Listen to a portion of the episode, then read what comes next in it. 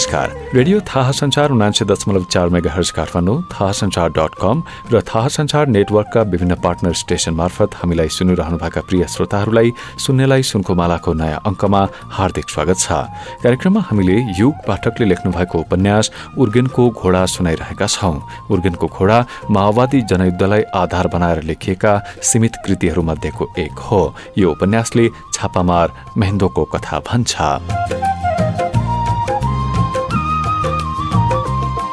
मेहेन्दोको कथा लाल पाइलो नामक पत्रिकामा छापिएको छ। उपन्यासको प्रस्तुति शैली कस्तो छ भने मेहेन्दोको कथा फरक फरक पात्रले फरक फरक समयमा पढिरहेका छन्। आजको अङ्कमा हामी द्वन्द्वका क्रममा देखिएका केही आन्तरिक समस्या सम्बन्धी प्रसङ्गहरू प्रस्तुत गर्दैछौ। सुन्नेलाई सुनको मालामा प्रस्तुत छ उपन्यास उर्गेनको घोडाको बाह्रौं अङ्क।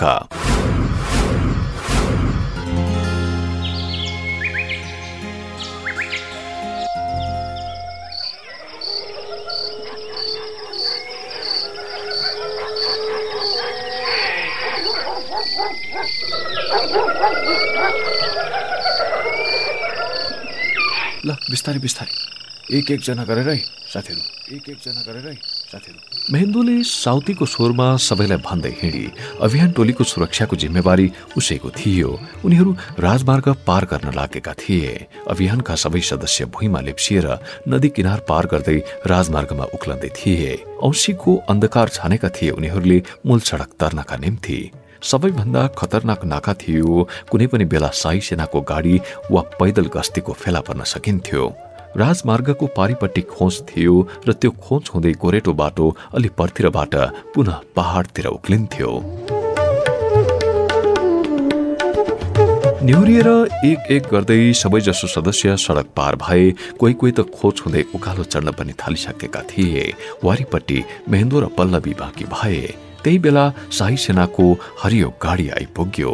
उनीहरूले डिलमा लेप्सिएर हेरे सबै गइसकेका थिए। कसैलाई पनि पछाडि फर्केर नहेर्न आदेश दिएकी थिए उसले।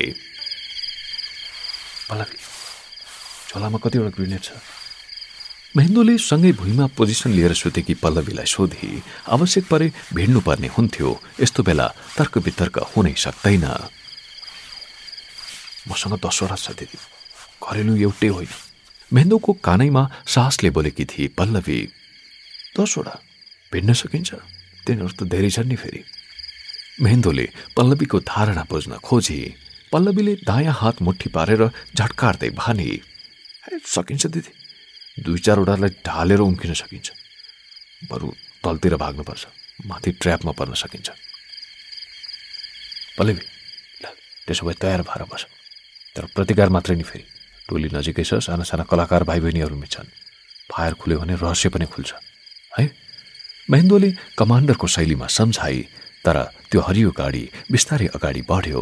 करिब दुई सय मिटर अगाडि गएपछि टक्क रोकियो। केही सैनिक गाडीबाट झरे कमान्डरले आदेश दियो र उनीहरू लाइन मिलाएर गस्ती गर्दै अगाडि बढे अनि बल्ल मेन्दो र पल्लवीले लामो सास फेरे। केही बेर प्रतीक्षा गरे अनि सुटुक्क न्यौरिँदै राजमार्ग तरे। कुनै दुर्घटना हुन पाएन। खोज हुँदै उनीहरू फटाफट उकालो उक्लन थाले।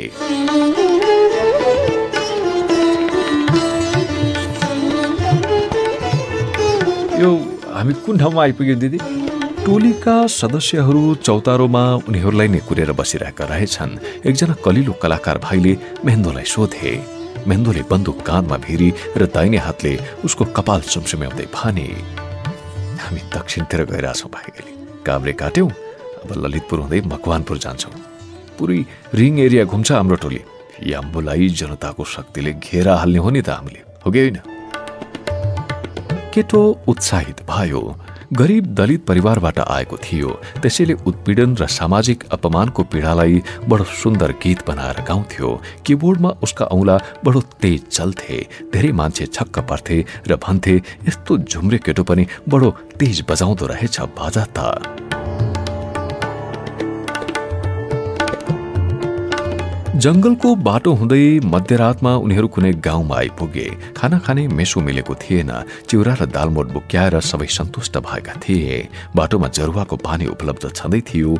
गाउँ बेसीमा थियो। तैबिसे खाना लाउन पुग्ने किसानको हेर्नसम्म हुने घर थिए। पैँतालिस जनाको टोली गाउँभरि छरिएर सुत्यो। मेहन्दोले सेन्ट्रीहरू मिलाउनु पर्थ्यो। हरेक ग्रुपको नेतालाई कोड शब्दहरू बाँड्नु पर्थ्यो अनि सुरक्षाको सम्पूर्ण प्रबन्ध मिलाउनु पर्थ्यो। पल्लवी उसको साथैमा हुन्थे। सबै बन्दोबस्त मिलाएर उनीहरू ढिलो मात्र सुत्न पाउँथे।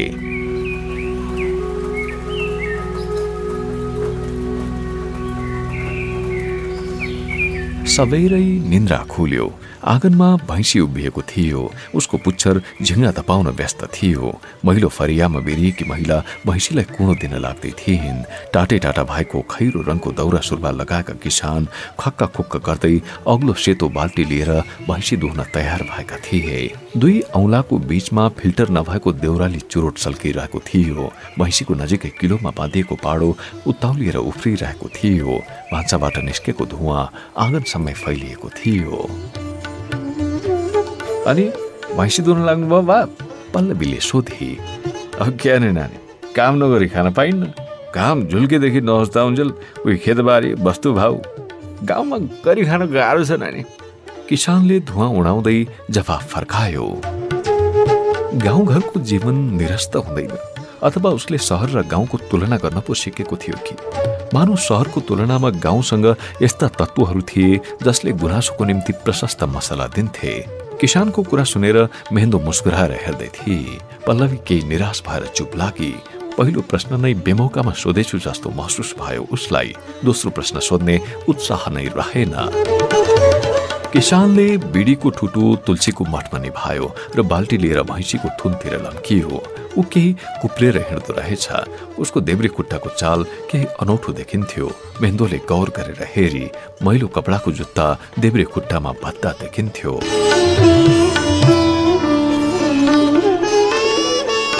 बच्चा रोएको आवाजले उनीहरूको ध्यान बिथोल्यो।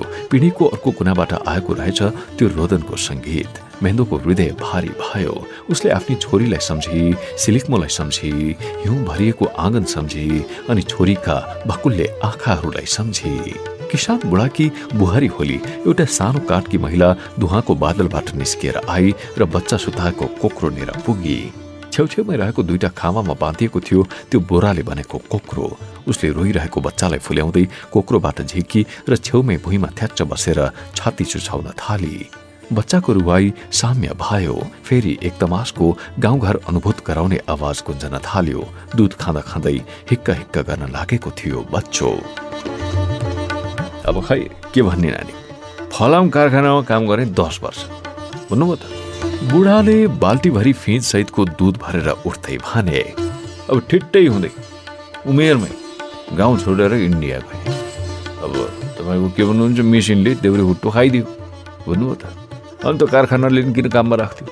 निकालिदियो अब गाउँको दुःख लेखाएर रहेछ नानी पुरपुरामा अब फर्केर यहीँ आउनु पर्यो। दुःख जिलो गरेर छोरालाई हरब पठाएँ। एक वर्षसम्म छोरै हरायो। एक वर्षपछि तपाईँको चिठी आयो छोरो आयो। कता छ के छ अझै थाहा छैन नानी। महिनो मरुभूमिमा हिँड्नुपर्छ अरे। निदाएको बेला बालुवाले पुरिदियो भने लासको पनि पत्तो हुन्न भन्छ अब आगिरहेछ त्यो पनि। बुहारी हो बुढाले बच्चालाई छाती चुसाइरहेकी महिलालाई देखाए ऊ वितृष्णपूर्वक मुख बिगारेर बच्चाको निधारको कपाल पन्छाउन थाली। मानव सारा दुःख तिनै रौमा थेग्रिएका थिए र ऊ ती रौँ पन्छाएर दुःख पन्छाउने यत्न गर्दै थिए। महेन्द्र र पल्लवी मुखामुख गरेर उभिरहे। कुनै प्रत्युत्तर उनीहरूसँग थिएन। पल्लवी मनमा बादल फैलाएर बुढालाई हेर्दै थिए। मेहेन्दोलाई भने छाती चस्केको अनुभव भयो। स्तनबाट स्वत दुध बग्न थालेको चिसोपनले हृदय पनि भिजाउन थाल्यो।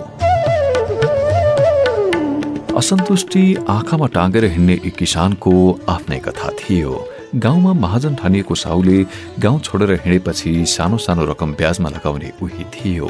तर पछि ब्याजमा पैसा लगाउने कुरा असाध्यै डरलाग्दो हुन थाल्यो। मौसम बदलिए जस्तो। बाली छान्न जान्नुपर्ने भयो। साहुको घरबाट तम्सो कागज पत्र झिकेर जलाइदिने क्रान्तिकारी अब छ्यासछ्यास्ती भएका थिए। त्यसपछि उसले ससानो पसल घरमै थाप्यो बिस्कुट चाउचाउ चकलेट इत्यादि राखेर। क्रान्तिकारीसँग पैसा टन्नै हुन्थ्यो। उसको पसल तैबिसेक चलेको थियो।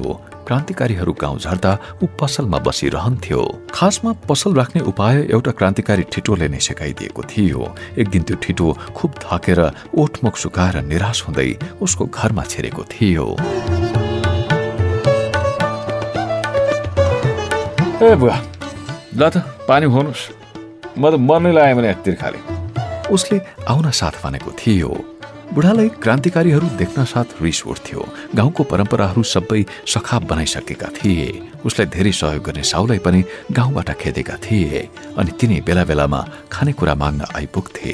राति राति ढोका ढकढक्याएर बास पनि माग्थे। उसलाई लाग्थ्यो काम नपाएर व्यर्थै हिँडेका छन्। केटाकेटी छ्यासमिस छन्। के के गर्दै हिँड्छन्? व्यर्थै पुलिस बोलाएर सोझा साझा हामी जस्तालाई शास्ति हुँदा हुँदै आइते कामेको छोरो मलाई बुद्धि सिकाउन आउने भाउ गाँठे। भान्सामै पशुलाई जस्तो पो गर्छ त। तैपनि त्यो केटोको हालत देखेर उसलाई दया लाग्यो। उसले पानी खान दियो। पानी पिउन साथ ऊ भुक्लुक पिँढीमै ढाल्यो। कतै मर्ने त होइन। ऊ त्रासले पानी पानी भएको थियो। क्रान्तिकारीको के ठेगान? कतै मैले मारेको ठान्ने हुन् कि भनेर ऊ डरायो पनि। तर केटो मरेन। आत्तिएर बोलाइरहेको बुढालाई उसले अलिकति आँखा उघारेर म एकछिन यत्तिकै आराम गर्छु भन्यो।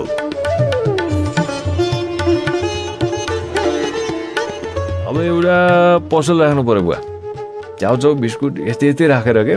उठ्न साथ केटोले भन्यो खाइ अब कसले किन्ने यस्तो ठाउँमा? उसले टाउको समात्दै सोधेको थियो।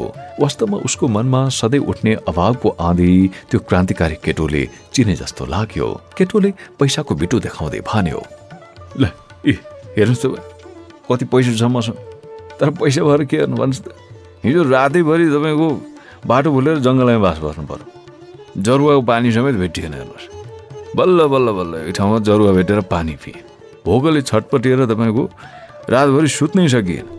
पैसाले के गर्छ भन्नुहोस् त? पैसै चपाउने मैले। बाटोतिर कतै दोकान सोकान भेट्या भए त के किनेर बोक्थेँ नि त? त्यसैले पसल खोल्नु पर्यो बा भनेर भनेको। केटो निकै उदास थियो। भुटेको मकै खुब स्वादले चपायो दाँत दुख्दो रहेछ बेला बेला गाला समातेर आँखा चिम्लिन्थ्यो। तैपनि भोकभन्दा भोजन मिठो भन्छन्। त्यसपछि बुढाले बल्ल पसल राख्यो। क्रान्तिकारीहरू गाउँमा छैन्जेल त पसल चल्छ भन्नेमा ऊ निश्चिन्त थियो। घरकै भैँसीको दुध पनि तताएर बेच्ने अवसर त्यो पसलले दिलाइदिएको थियो। आज तल स्कुलमा कार्यक्रम राखेका छौँ यसो समय मिलाएर झर्नु नि। पल्लवीले जाने बेलामा भनी कार्यक्रम यहाँ काम यस्तो लटा बजेर छ। कार्यक्रम हेरेर के हुन्छ? तिमीहरूलाई समेत खुवाउनुपर्छ मैले। सहिलो छ? बुढाले फन्केर जवाफ दिए। पल्लवी र मेन्दो चुपचाप हिँडे। कार्यक्रम अवधिभर दुवैको आँखामा तिनी बुढाको प्रतिबिम्ब नाचिरह्यो। नाचगान भए अपेरा नाटक भए भाषण भए नयाँ संगठन निर्माण भएको घोषणा भए छलफल र बैठकहरू भए। जनसेनाको स्थानीय कम्पनीसँग अन्तर्क्रिया थियो। मुख्यत अभियान टोलीका नेता दिग्विजयले प्रशिक्षण गरे मेहन्दोले पनि आफ्नो कुरा राखी। तामाङ जनतासँग अलग छलफल थियो। मेहन्दोले प्रमुख अतिथिको भाषण गरी। पर्सिपल्ट भुकभुके उज्यालैमा उनीहरू चुरे पहाडको गेग्रानी माटो टेक्न पुगे। सुक्खा खहरेहरू तराईका सर्प जत्तिकै जताततै सलबलाइरहे झैँ लाग्थ्यो। रातो रुखो माटो पनि थियो जताततै। गाउँमा कोदो फापर र थोरै मकै मात्र उब्जन्थ्यो। छ महिनाभन्दा बढी खान कसैलाई पुग्दैनथ्यो माथि डाँडामा तामाङहरूको बसोबास थियो। तर झर्दै आउँदा केही दलित अनि तल बेसी जस्तो ठाउँमा दनुवार राईको बस्ती थियो। गाउँमा एउटा चर्च पनि रहेछ खोलाकै किनारमा। निलो टिनले छाएको फराकिलो हल भएको टोलीलाई आराम गर्ने बन्दोबस्त त्यही मिलाइएको रहेछ। यस्तो अनकन्टा ठाउँमा पनि चर्च रहेछ है दिदी। पल्लवीलाई अनौठो लाग्यो। क्रिस्चियन धर्म र एनजिओ नपुगेको अनकन्टार गाउँ कुन होला नेपालमा? मेन्दोले भने भित्रभित्र खोक्रो पारिसक्यो है दिदी देशलाई। के गर्छौ पल्लवी? गरिबी भने के थाहा छ? सबै थोक रोप्न सकिने मरिलो खेत। क्रान्ति रोपे पनि फल्छ धर्म रोपे पनि फल्छ। जे रोपे पनि हुने रहेछ। मेहेन्दोले जिसस क्राइस्टको क्रसमा टाङ्गिएको मूर्ति हेर्दै भने समर्थनमा मौन रही पल्लवी। मेहेन्दोको ध्यान मूर्तितर्फ गएको थियो। ऊ जुरुक्क उठेर मूर्ति भाइनेर गई। के के देख्नुभयो दिदी? पल्लवीले सोधी। यो मूर्ति के? मलाई चाहिँ यो सोनाम काकाले बनाएको मूर्ति जस्तो लाग्यो पल्लवी सोनाम काकाले तपाईँको गाउँ नजिकै आइपुग्यो हो दिदी हामी मलाई त्यस्तै लाग्यो भोलि पुगिन्छ होला पल्लवी महेन्दो खुसी थिए धेरै वर्षपछि आफ्नो गाउँ टेक्न पाउँदा अलग आनन्द हुँदो रहेछ सबैलाई उसलाई पनि बालापनको चर्को याद आइरहेको थियो हावा माटो पानी सबैतिर इचोङकै सुगन्ध महसुस भएको थियो उसलाई। चर्चको ठिक तलतिरपट्टि एउटा स्कुल देखिन्थ्यो। पूर्वपट्टि पहाडी रौनकसहित बगिरहेको खोला र खोलाको पारिपट्टि अग्लो न अग्लो डाँडो थियो। मेष चलाइएको घरको आँगन निकै ठुलो थियो। बरन्डामा काठको फल्याक छापिएको थियो र पूर्वपट्टिको खोला बाहेक तिनै दिशामा गरेर नौवटा घर थिए। घर सकेना साथ जङ्गल सुरु हुन्थ्यो र पश्चिमपट्टि जङ्गल उकालो चढ्दै अझै खना हुँदै जान्थ्यो। साँझ रोलकल स्कुलको चौरमै गर्न सहज भयो। रोलकलमा ब्रिफिङ गरिरहँदा मेन्दोका आँखा बारम्बार चौरको कुनातिर भएको मसिना केटाकेटीमा जान्थे। हृदयमा उम्लिएको तरल पदार्थलाई उसले थिचेर राख्नु पर्थ्यो। आफूलाई सम्हाल्नै पर्थ्यो किनभने साँझको घामको टहकमा चम्किरहेको खोलामा उर्गेनको सेतो घोडा प्रकट भएको थियो र उसलाई यावेङ खोलाको मधुरो सम्झनाले मायावी असर गरिरहेको थियो। चर्चभित्रको माहौल स्कुलको जस्तो थियो। धेरैजसो कार्यकर्ता लेखपढमा लागेका थिए बन्दुकहरू भित्तामा ठडाइएको थियो। सांस्कृतिक टोलीकी एउटा युवती हातमा गीतको बोल लेखिएको कापी समातेर सुरताल मिलाउने कोसिस गर्दै थिए। नजिकै जिसस क्राइस्ट क्रसमा टाँगिएर पुरानो सत्तालाई चुनौती दिइरहे जस्तो लाग्थे। चर्च केही महिनादेखि सुनसान थियो। शनिबारको नियमित भजन पनि हुँदैन थियो किनभने चर्चको पास्टर स्वयं क्रान्तिमा लागेर हिँडेको थियो। मेन्दु माओका सङ्कलित रचना पढ्ने चेष्टा गर्दै थिए। यता पल्लवी डायरी लेख्न व्यस्त थिए। त्यही बेला हुर्रिएर आएका दिग्विजयले सबैलाई झस्काइदिए।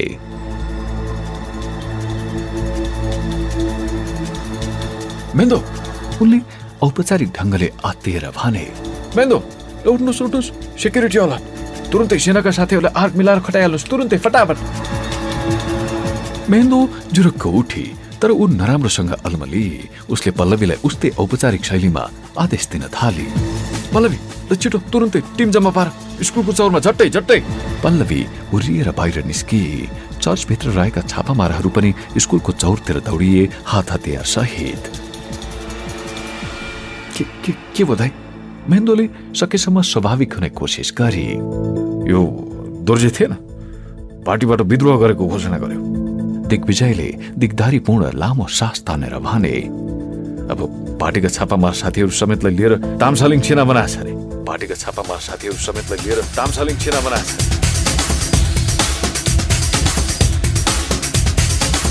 मेन्दोको कानमा चट्याङ परे झैँ भयो। उसलाई पत्याउन कठिन भइरहेको थियो। दोर्जेलाई कुन महत्वाकांक्षाले छोयो? पार्टीभित्रकै समस्याले उसलाई त्यस्तो गर्न बाध्य बनायो? वा सैद्धान्तिक विचलन? वा अरू केही? तिम्रो नाता वर्ष होइन मेन्दो उसँग? दिग्विजयले सोधे। हो होदै। मेन्दोको अनुहारमा अझै अविश्वासको बादल मडारिरहेको थियो। दोर्जे सोनाम काकाको छोरो हुँदै। मेरो दाई नै हो। म भन्दा पनि पहिलेदेखि हिँड्नु भएको थियो। खै यस्तो त गर्न नपर्ने दाई खै मलाई विस्तृत कुरो थाहा भएन मेन्दो इचोङमै विद्रोहको घोषणा गर्यो भन्नेसम्म खबर आएछ होइन अब त्यहाँका स्थानीय साथीहरूलाई बोलाएको छु मैले तर हामी त सुरक्षित हुनु पर्यो परेको परेन यो चाहिँ जातीय युगो पला जस्तो बुझ्छु म जातीय सेना पनि बनाएको छ भन्ने सुन्यो सुरक्षा राम्रोसँग हेर्ने है मेन्दो यति भनेर दिग्विजय बाहिर निस्किए दिग्विजयकै ब्रिगेड अन्तर्गत सबैभन्दा बलियो कम्पनी यस क्षेत्रमा बनेको थियो। ब्रिगेड घोषणामा दोर्जे पनि गएका थिए फौजै लिएर। उनलाई छिट्टै घोषणा हुने अर्को ब्रिगेडको कमान्डर बनाउने भनिएको थियो। मेहन्दोलाई कथा कथा तामसालिङ आदि भूमिको आकांक्षा नै खोटो त छैन भने झै लाग्यो। उसले जनसेनाको फौजलाई नै तामसालिङ सेनाको रूपमा कल्पना गरेकी थिए। अन्ध जातिवादले गरिखाने वर्गको लडाईँ लड्न सक्दैन भन्ने उसले राम्रोसँग बुझेकी थिए। तर के भयो दोर्जेलाई? पद लोलुप पनि त होइन ऊ अन्ध जातिवादी पनि त थिएन ऊ मनमा नै आफैले जवाब दिए मेन्दोले नस्लवाद मेरो तामसलिङको अर्थ होइन आजको दुनियाँ नस्लवाद कामै नलाग्ने दुनियाँ बनिसक्यो हामी त अघि पो जानुपर्छ पछि फर्कनको लागि त कुनै सिद्धान्त नै किन चाहियो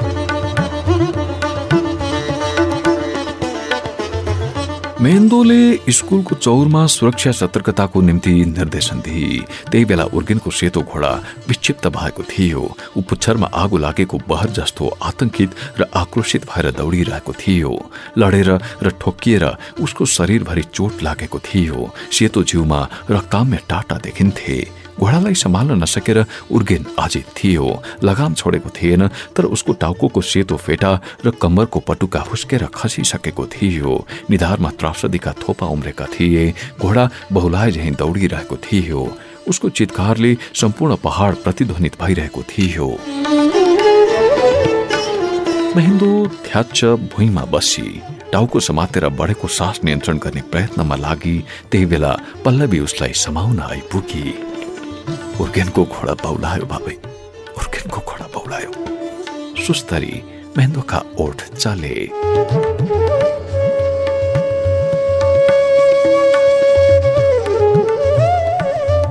शुक्रबार साँझ झमक्क भएपछि उनीहरू इचोङ पुगे।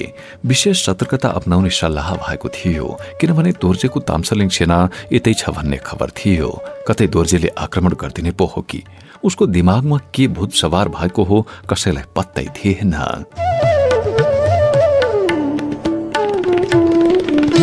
अब कम्पनी नै सखा भएन त पल्लवीले चिन्ता जाहेर गरी। अभियान टोली कार्यक्रमको तयारीमा जुट्यो।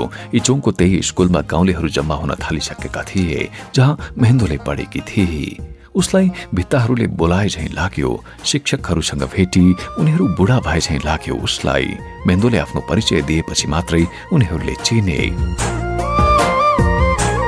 कार्यक्रम हेर्न गाउँ नै उल्टिएर आएको थियो। तामाङ सेलोको भाकामा गीत र नृत्य हेरेपछि त झन उत्साहित भए गाउँले। भिडको अघिल्तिरपट्टि उसका आवारा आमा बसेका रहेछन्। उसले निकै बेरपछि देखी। भाइ त ठुलै भइसकेछ क्यारे। उसले भिडमा चिन्न सकेकी थिएन। छन चाहिँ ऊ त्यही थियो। उसको आवा उत्तेजनामा बेला बेला जुरुक्क उठ्थे। उसले सोची आवा पनि बुढा भएछन्। राजा काट्न जान्छु भन्थे। हेर कस्तो बुढा भइसकेछन्। कार्यक्रम सकिन साथ मेन्दोले आबा आमा र भाइलाई भेटी। त्यो पारिवारिक भेट संवेदनाले भरिएको थियो। पल्लवीले पनि आँसु थम्न सकिन। दिग्विजय मुसु मुसु हाँस्दै त्यो दृश्य हेर्दै थिए। सबैभन्दा विस्मयकारी घटना त अनिपो घट्यो उसकी दिदी सर्कसबाट फिर्ता भएकी रहेछ। आमाले आँखाभरि आँसु लिएर दिदी बहिनीको परिचय गराइदिइन्। मेन्दोले छक्का परेर दिदीलाई हेरी बेमोदसित दुब्लाएकी ओठमा रातो लिपस्टिक लगाएकी जिन्सको पाइन्ट र रातो भेस्ट पटक्कै नसुहाएको। ओठमा अजीबको मुस्कान तर अनुहार भावविहीन। उसले गाउँका सबै चिजप्रति असन्तुष्टि व्यक्त गरी र जे गरेर खाए खाउला तर सहेरै जान्छु भनेर मुख बिगारी। नेपाली पनि हिन्दी लवजमा बोल्थे कहिले काहीँ त पुरै वाक्य नै हिन्दीमा। साँझ दिग्विजयलाई पनि उसैको घरमा निम्ता थियो। खाना खाने क्रममा दोर्जेको प्रसङ्ग उठ्यो। दोर्जे हिजो आज यतै छ भन्ने सूचना दिग्विजयले पाइसकेका थिए तर ऊ के गर्दैछ उनलाई थाहा थिएन। आवाले प्रसङ्ग उठ्ने बित्तिकै भने ए दोर्जे दोर्जे यतै गाउँमै छ। हिजो घर गएको थियो अरे सोनामले भन्थ्यो। उसलाई भेट्न सकिन्छ? नभन्दै भोलिपल्ट आवाले मेन्दोलाई दोर्जे भएको ठाउँमा पुर्याइदिए सैलुङको खण्डहरूमा कुहिरोको बाक्लो पर्दाले छेकिएर दोर्जेको सेना बसेको रहेछ। दिग्विजय आफै जान खोजेका थिए तर मेन्दोले आफै जाने जिकिर गरी उसलाई जान दिएन। बरु पल्लवी साथै गएकी थिए। मेन्दो र पल्लवी निशस्त्र थिए तर दोर्जेले सशस्त्र तामसालिङ सेनाको घेराबन्दीमै कुरा गर्न चाह्यो।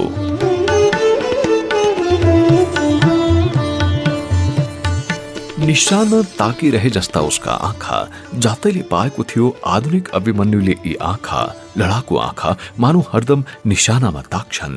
केन्द्रबाट दायाँ बायाँ साँकुरिएका बाक्लो ढक्कनका बीचमा छलङ्ग कालो नानी अहिले जहाँ सपनाहरू एकत्रित भएर ओहिलाएका छन् उदास अनुहारमा थुप्रै असफल आकांक्षाका डोब छन् जसरी झरिसकेको फूलको डाँठमा खिन्न डोब हुन्छ।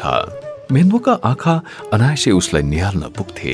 नियन्त्रण गर्दा गर्दै खोजमा निस्केको गोताखोर झैँ विक्षिप्त लडाकुको झैँ कलेवरमा ऊ झोक्राइरहेको थियो।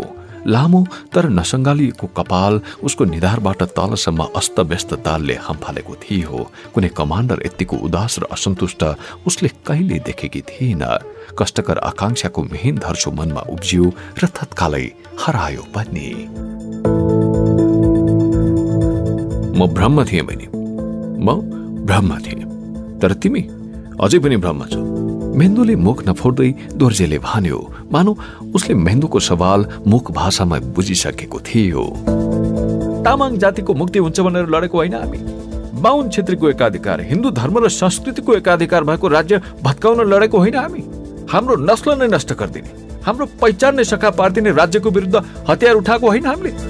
जुन पार्टीले हाम्रो इज्जतको लागि लडाइँ गर्छु भनेको त्यही पार्टी बाहुनवादका आधारमा चलेपछि कसको भरोसा गर्ने बहिनी? तामाङ भएकै हुनाले वीरबहादुर मारियो। शङ्काकै भरमा निर्णय गर्नु ठिक छैन भनेर भने मैले। तर आकाश दाईले भोटेको भरोसा भएन। उनीहरूकै मात्र बुद्धि ठुलो। हामी भाषपोसे हामी पनि आफ्नै बुद्धिले लडाइँ लड्न सक्छौँ बहिनी। तामसालिङ सेना बनाउँछौँ र तामाङ जातिको मुक्तिको युद्ध छेड्छौँ। तामाङ जाति पनि इतिहासमा लडेकै जाति हो। बुझ्यौ मेन सास बढेको थियो उसको। एकै सासमा सम्पूर्ण पीडा उकल्न खोज्दै थियो। मेन्दोलाई गहिरो पीडाको कुहिरोभित्र निशासिए झैँ प्रतीत भयो। उर्किनको घोडाले पनि विद्रोह गरेको थियो। हजारौं सेता घोडा सैलुङभरिको हावा आन्दोलित गर्दै हिनहिनाइरहे झैँ आभासले सास थुने जस्तो भयो। दुर्जेले सैद्धान्तिक धरातल भेट्टाएको थियो तर यही धरातलमा उभिएर उसले मुक्तिको लडाईँ लड्न सक्छन् मेन्दोले मनमा जवाफ दिए अह सक्दैन उसले दुर्जेको आक्रोशमय आँखामा चिहाई त्यहाँ भरभराउँदो आगो थियो सखुवाको दाउरा बालिएको चुलोमा भर्खरै उदिनिएको रातो कोइला झै।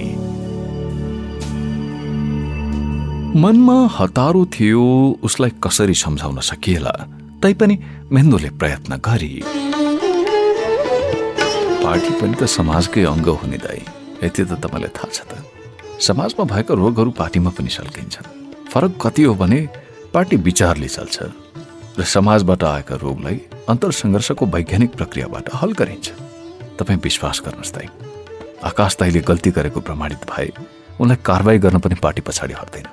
पार्टीमा नेताहरू हुन्छन् कार्यकर्ता हुन्छन् तर पार्टी हामी सबैभन्दा माथि छ दाई। एउटा नेता गलत हुन सक्छ तर पार्टी मूलत गलत हुँदैन किनभने पार्टी आकाश दाईको वा अरू कुनै नेताको बिर्ता होइन। यो त शहीदहरूको रगत र हामी सबैको पसिनाले बनेको छ दाई। त्यसैले तपाईँ आवेशमा नआउनुहोस्। जातीय मुक्तिको कुरा वर्ग सङ्घर्षको अङ्ग हो। जाति भन्ने पनि सोलो डोलो हुँदैन। तामाङ जातिकै मान्छे पनि शाही सत्ताको ताबेदार भएका छैनन्। छन् दाई।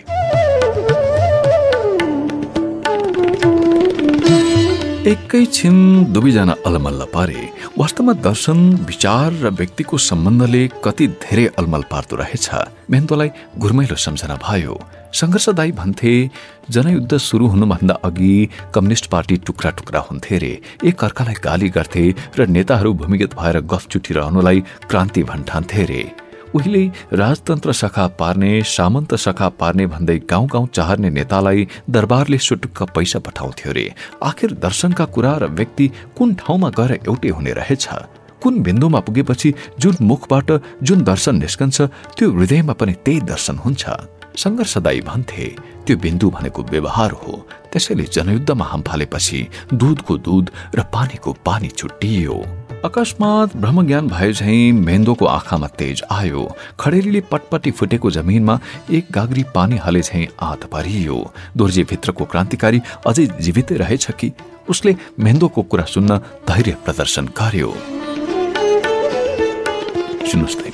जातिको कुराले मात्र जनयुद्ध हाँकिएको होइन। तपाईँ आफै बुझ्नुहुन्छ। जातिभित्र पनि वर्ग छ। संसारलाई दुई भागमा बाँडेर हेरौँ। हुँदा खाने र हुने खाने वर्ग। हामी हुँदा खाने कुपोषित दलित उत्पीडितहरूको अधिकारको लागि लडेका हौ। किनभने अधिकांश मानिस रोइरहेको समाजमा प्रगति हुँदैन न्याय हुँदैन। तामाङ जस्तै थुप्रै आदिवासी जनजाति जातकै कारण उत्पीडनमा परेका छन्। यो कुरा सत्य हो। तर निरपेक्ष रूपमा जातलाई हेर्नु भनेको फेरि घुमी फिरी उही बाहुनवाद नै हुनु पुग्छ। जस्तै शेरमान तामाङलाई हेर्नुहोस्।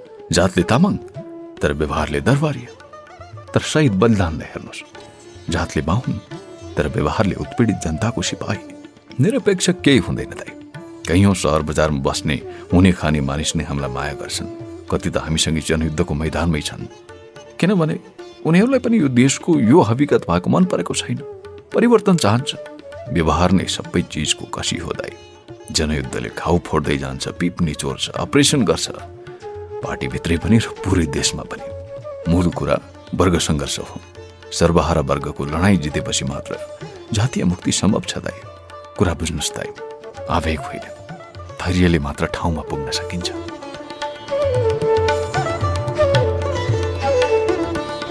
बुझ्न त दोर्जेले कुरा नबुझेको होइन धेरै पटक पढेको र सुनेको पनि थियो तर समस्या जातको मात्र होइन रहेछ कुरा आफैभित्र लागेको गवारोको रहेछ भनेर मेन्दुले पनि बुझी। जहाँ स्पष्ट विचार छैन त्यहाँ विग्रहको बिउ पनि सजिलै हुर्कन्छ।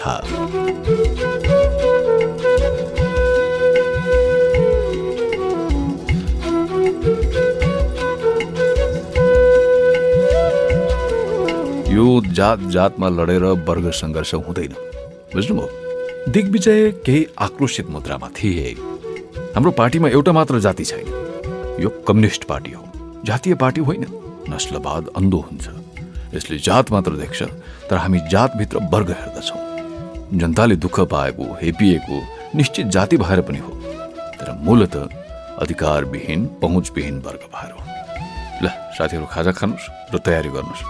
आकाशको प्रवृत्ति जति घातक क्यान्सर हो त्यसको विरोधी चाहिँ देखिए पनि दोर्जेको प्रवृत्ति त्योभन्दा पनि बढी घातक छ।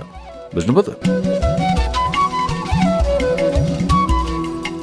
दोस्रो पटक वार्ता गर्न दिग्विजय आफै गए। महेन्द्र र पल्लवी पनि साथै थिए। शैलुङ्गी डाँडामा साँझ परिसकेको थियो। तामाङ राज दरबारको भग्नावशेष त्यो खण्डहर स्तब्ध थियो। त्यही खण्डहरमा मेहेन्दोको आवाले सेतो घोडाको विस्मयकारी फौज देखेका थिए र मेहेन्दोले पनि त्यही दिन दिउँसो मात्र घायल घोडाको उन्मत्त नृत्य देखेकी थिए। उर्किनको विचलित स्थिति देखेकी थिए। आकाश दाइले आन्दोलनलाई दिएको धोका तपाईँले देख्नु भएको छ? दोर्जेले दमदार आवाजमा सोध्यो दिग्विजय क्षणभर नाजवाफ भए। "हुँ, मैले सुमेरु पठाएको छु साथीहरूलाई। केही दिनमै त्यसको सत्य तथ्य पत्ता लाग्छ भाइ। लाग्यो पत्ता। तपाईँलाई यता आउने फुर्सदै भएन। हामीले एक महिना भयो पार्टीलाई रिपोर्ट गर्यो। बुझ्नु? हामीलाई जातकै आधारमा हेप्ने उहाँको गजबको क्रान्तिकारी शैली छ। सहरमा पैसा थुपारेर यहाँ क्रान्ति गर्न आउनुहुन्छ। वीर बहादुर तामाङलाई शाही सेनाले हत्या गरेको हुँदै होइन आकाश दाईले शाही सेना लगाएर हत्या गरेको। हामीसँग प्रमाण छ तर हाम्रो कुरा सुनवाई हुँदैन। त्यसैले पार्टी बाहुन बाध्य चलेको रहेछ भनेर हामीले ठहर गर्यौँ हाम्रो यसमा के गल्ती छ? दोर्जे रोबदार शैलीमा कुरा गरिरहेको थियो।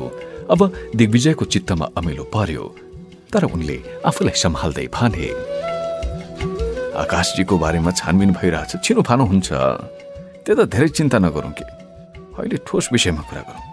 तपाईँ तामसालिङ सेना विघटन भएको घोषणा गर्नुहोस् र यथावत पार्टीको काम गर्नुहोस्। आन्दोलनको शुद्धिकरण गर्ने काम हामी सबैको हो। गलत कुराको विरोधमा अर्को गलत काम गर्नु बुद्धिमानी हुँदैन दोर्जे भाइ। दोर्जे डगेको थिएन। उसले उस्तै रवाफ कायम राख्दै भन्यो अब हामी हाम्रो कदमबाट पछाडि फर्किन सक्दैनौँ। हामीले तामसलिङ सेना बनाइसकेका छौँ। अब पार्टी एकताको कुरा मात्र गर्न सकिन्छ। तर तर त्यसको लागि पनि हाम्रो शर्त छ कि आकाश दाईलाई कारवाही हुनु पर्यो। बुझ्नु दोर्जेको कुरा सुनेर दिग्विजय अब भने बम्किए के हो तामसलिङ सेनामा? तामसालिङ सेना तामसालिङ सेना। के हो तामसालिङ सेनामा? कोसँग लड्ने यसको लक्ष्य के? विचार के? सिद्धान्त के? कत्रो तामसालिङ सेना भन्छ। त्यसले कुन सत्तासित लड्छ? हँ? बेकुब कुरा गरेर हुन्छ? दोर्जे अलमल्ल पर्यो। उसँग ती सम्पूर्ण प्रश्नको जवाब थिएन। बन्दुक कानमा अड्याएर नजिकै बसेका दोर्जेका सहयात्री पनि स्तब्ध हुन पुगे। तामसालिङ सेना रे शहीदहरूले लाम लागेर रगत चढाएपछि जनसेना बनेको। त्यहाँबाट तामाङ छुट्याएर तामसालिङ सेना हुन्छ। सबै जात जातिको रगतले बनेको सेनाबाट तामसालिङको रगत कसरी छुट्याउँछ? बेकुब कुरा गरेर हुन्छ। दिग्विजय जुरुक्क उठे मेहेन्दो र पल्लवी पनि उठे। सैलुङ बाक्लो कुहिरोले ढाकेको थियो। शीत जम्न थालेकोले पातहरू टल्किन थालेका थिए। दोर्जे र उसका साथीहरू अलमल्ल परेर घाँसको मुन्टा चुड्न लागे। मैले अघि पनि भने फेरि पनि भन्छु। आकाशजीको बारेमा अनुसन्धान हुन्छ। तर यो नाटकको चाहिँ अझै अन्त्य हुनुपर्छ। बुझ्नुभयो? दिग्विजय यति भनेर फटाफट हिँडे र ओह्रालो झर्न थाले। मेहेन्दो र पल्लवीले उनलाई पछ्याए। त्यस मध्यरातसम्म दोर्जे निकै छटपटायो विद्रोहीहरूको बैठक बस्यो अनि मध्यरातमा उसले आत्मसमर्पण गर्यो। दिग्विजयले उसको टिमका सबै सदस्यलाई अबिरको टिका लगाएर स्वागत गरे। रिङ क्षेत्रको एउटा समस्या हल भयो तर आकाश अर्को रहस्य बनेर सबैको दिलमा बसेको थियो।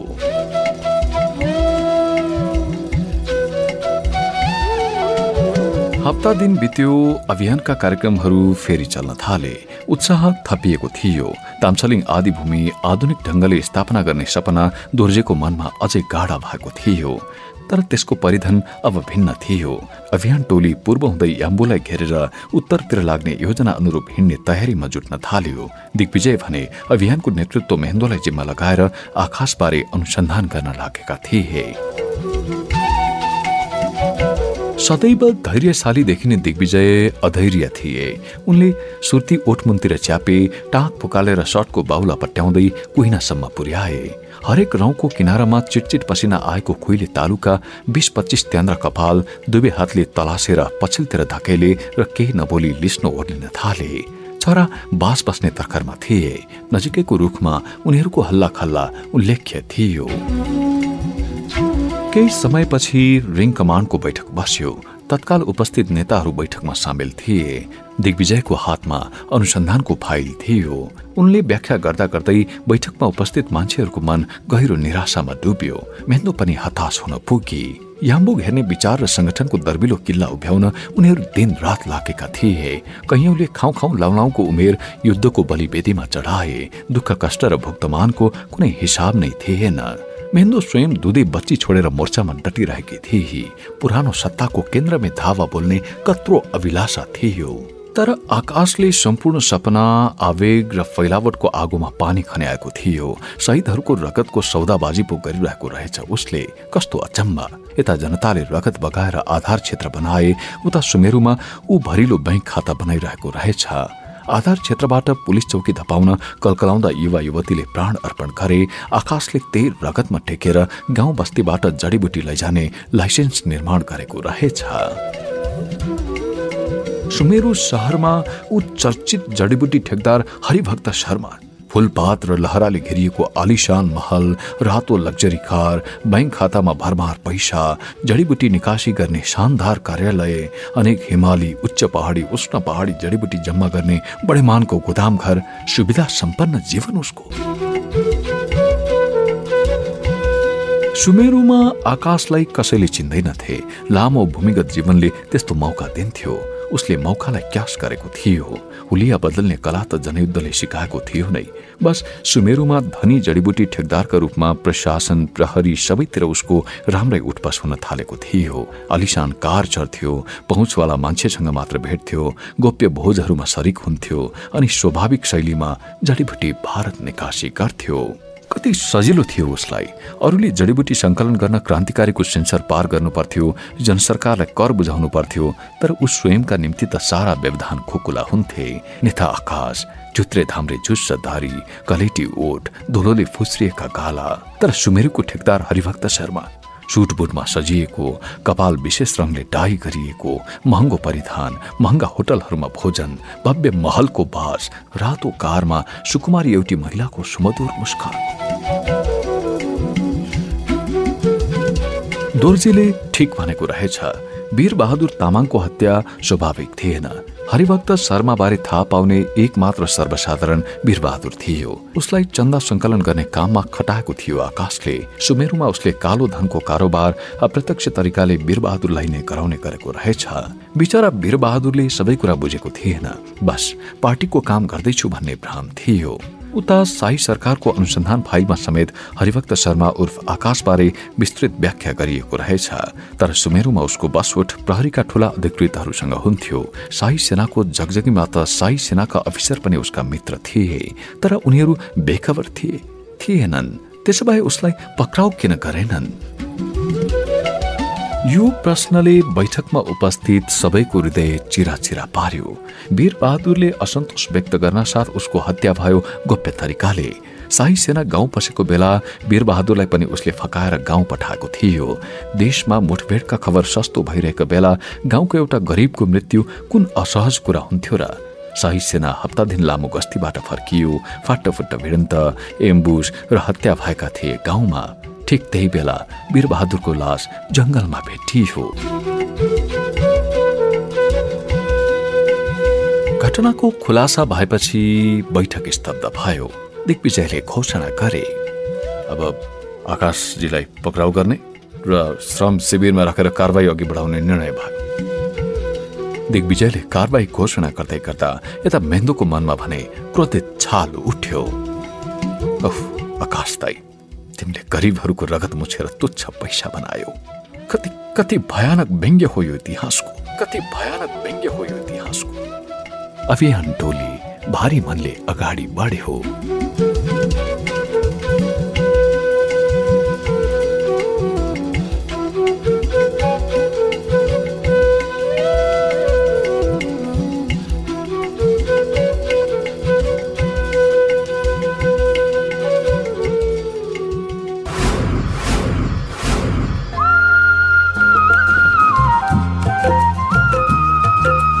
उपन्यास उर्गेनको घोडाको बाह्रौं भाग यही सकिन्छ। हामी आशा गर्छौ यो उपन्यास र हाम्रो प्रस्तुति तपाईँलाई रोचक लाग्यो। अवस्था अर्को अङ्कमा फेरि भेटौँला। उपन्यास उर्गेनको घोडा र यस कार्यक्रमबारे यहाँको धारणा पठाउन चाहनुहुन्छ भने तपाईँलाई हार्दिक स्वागत छ।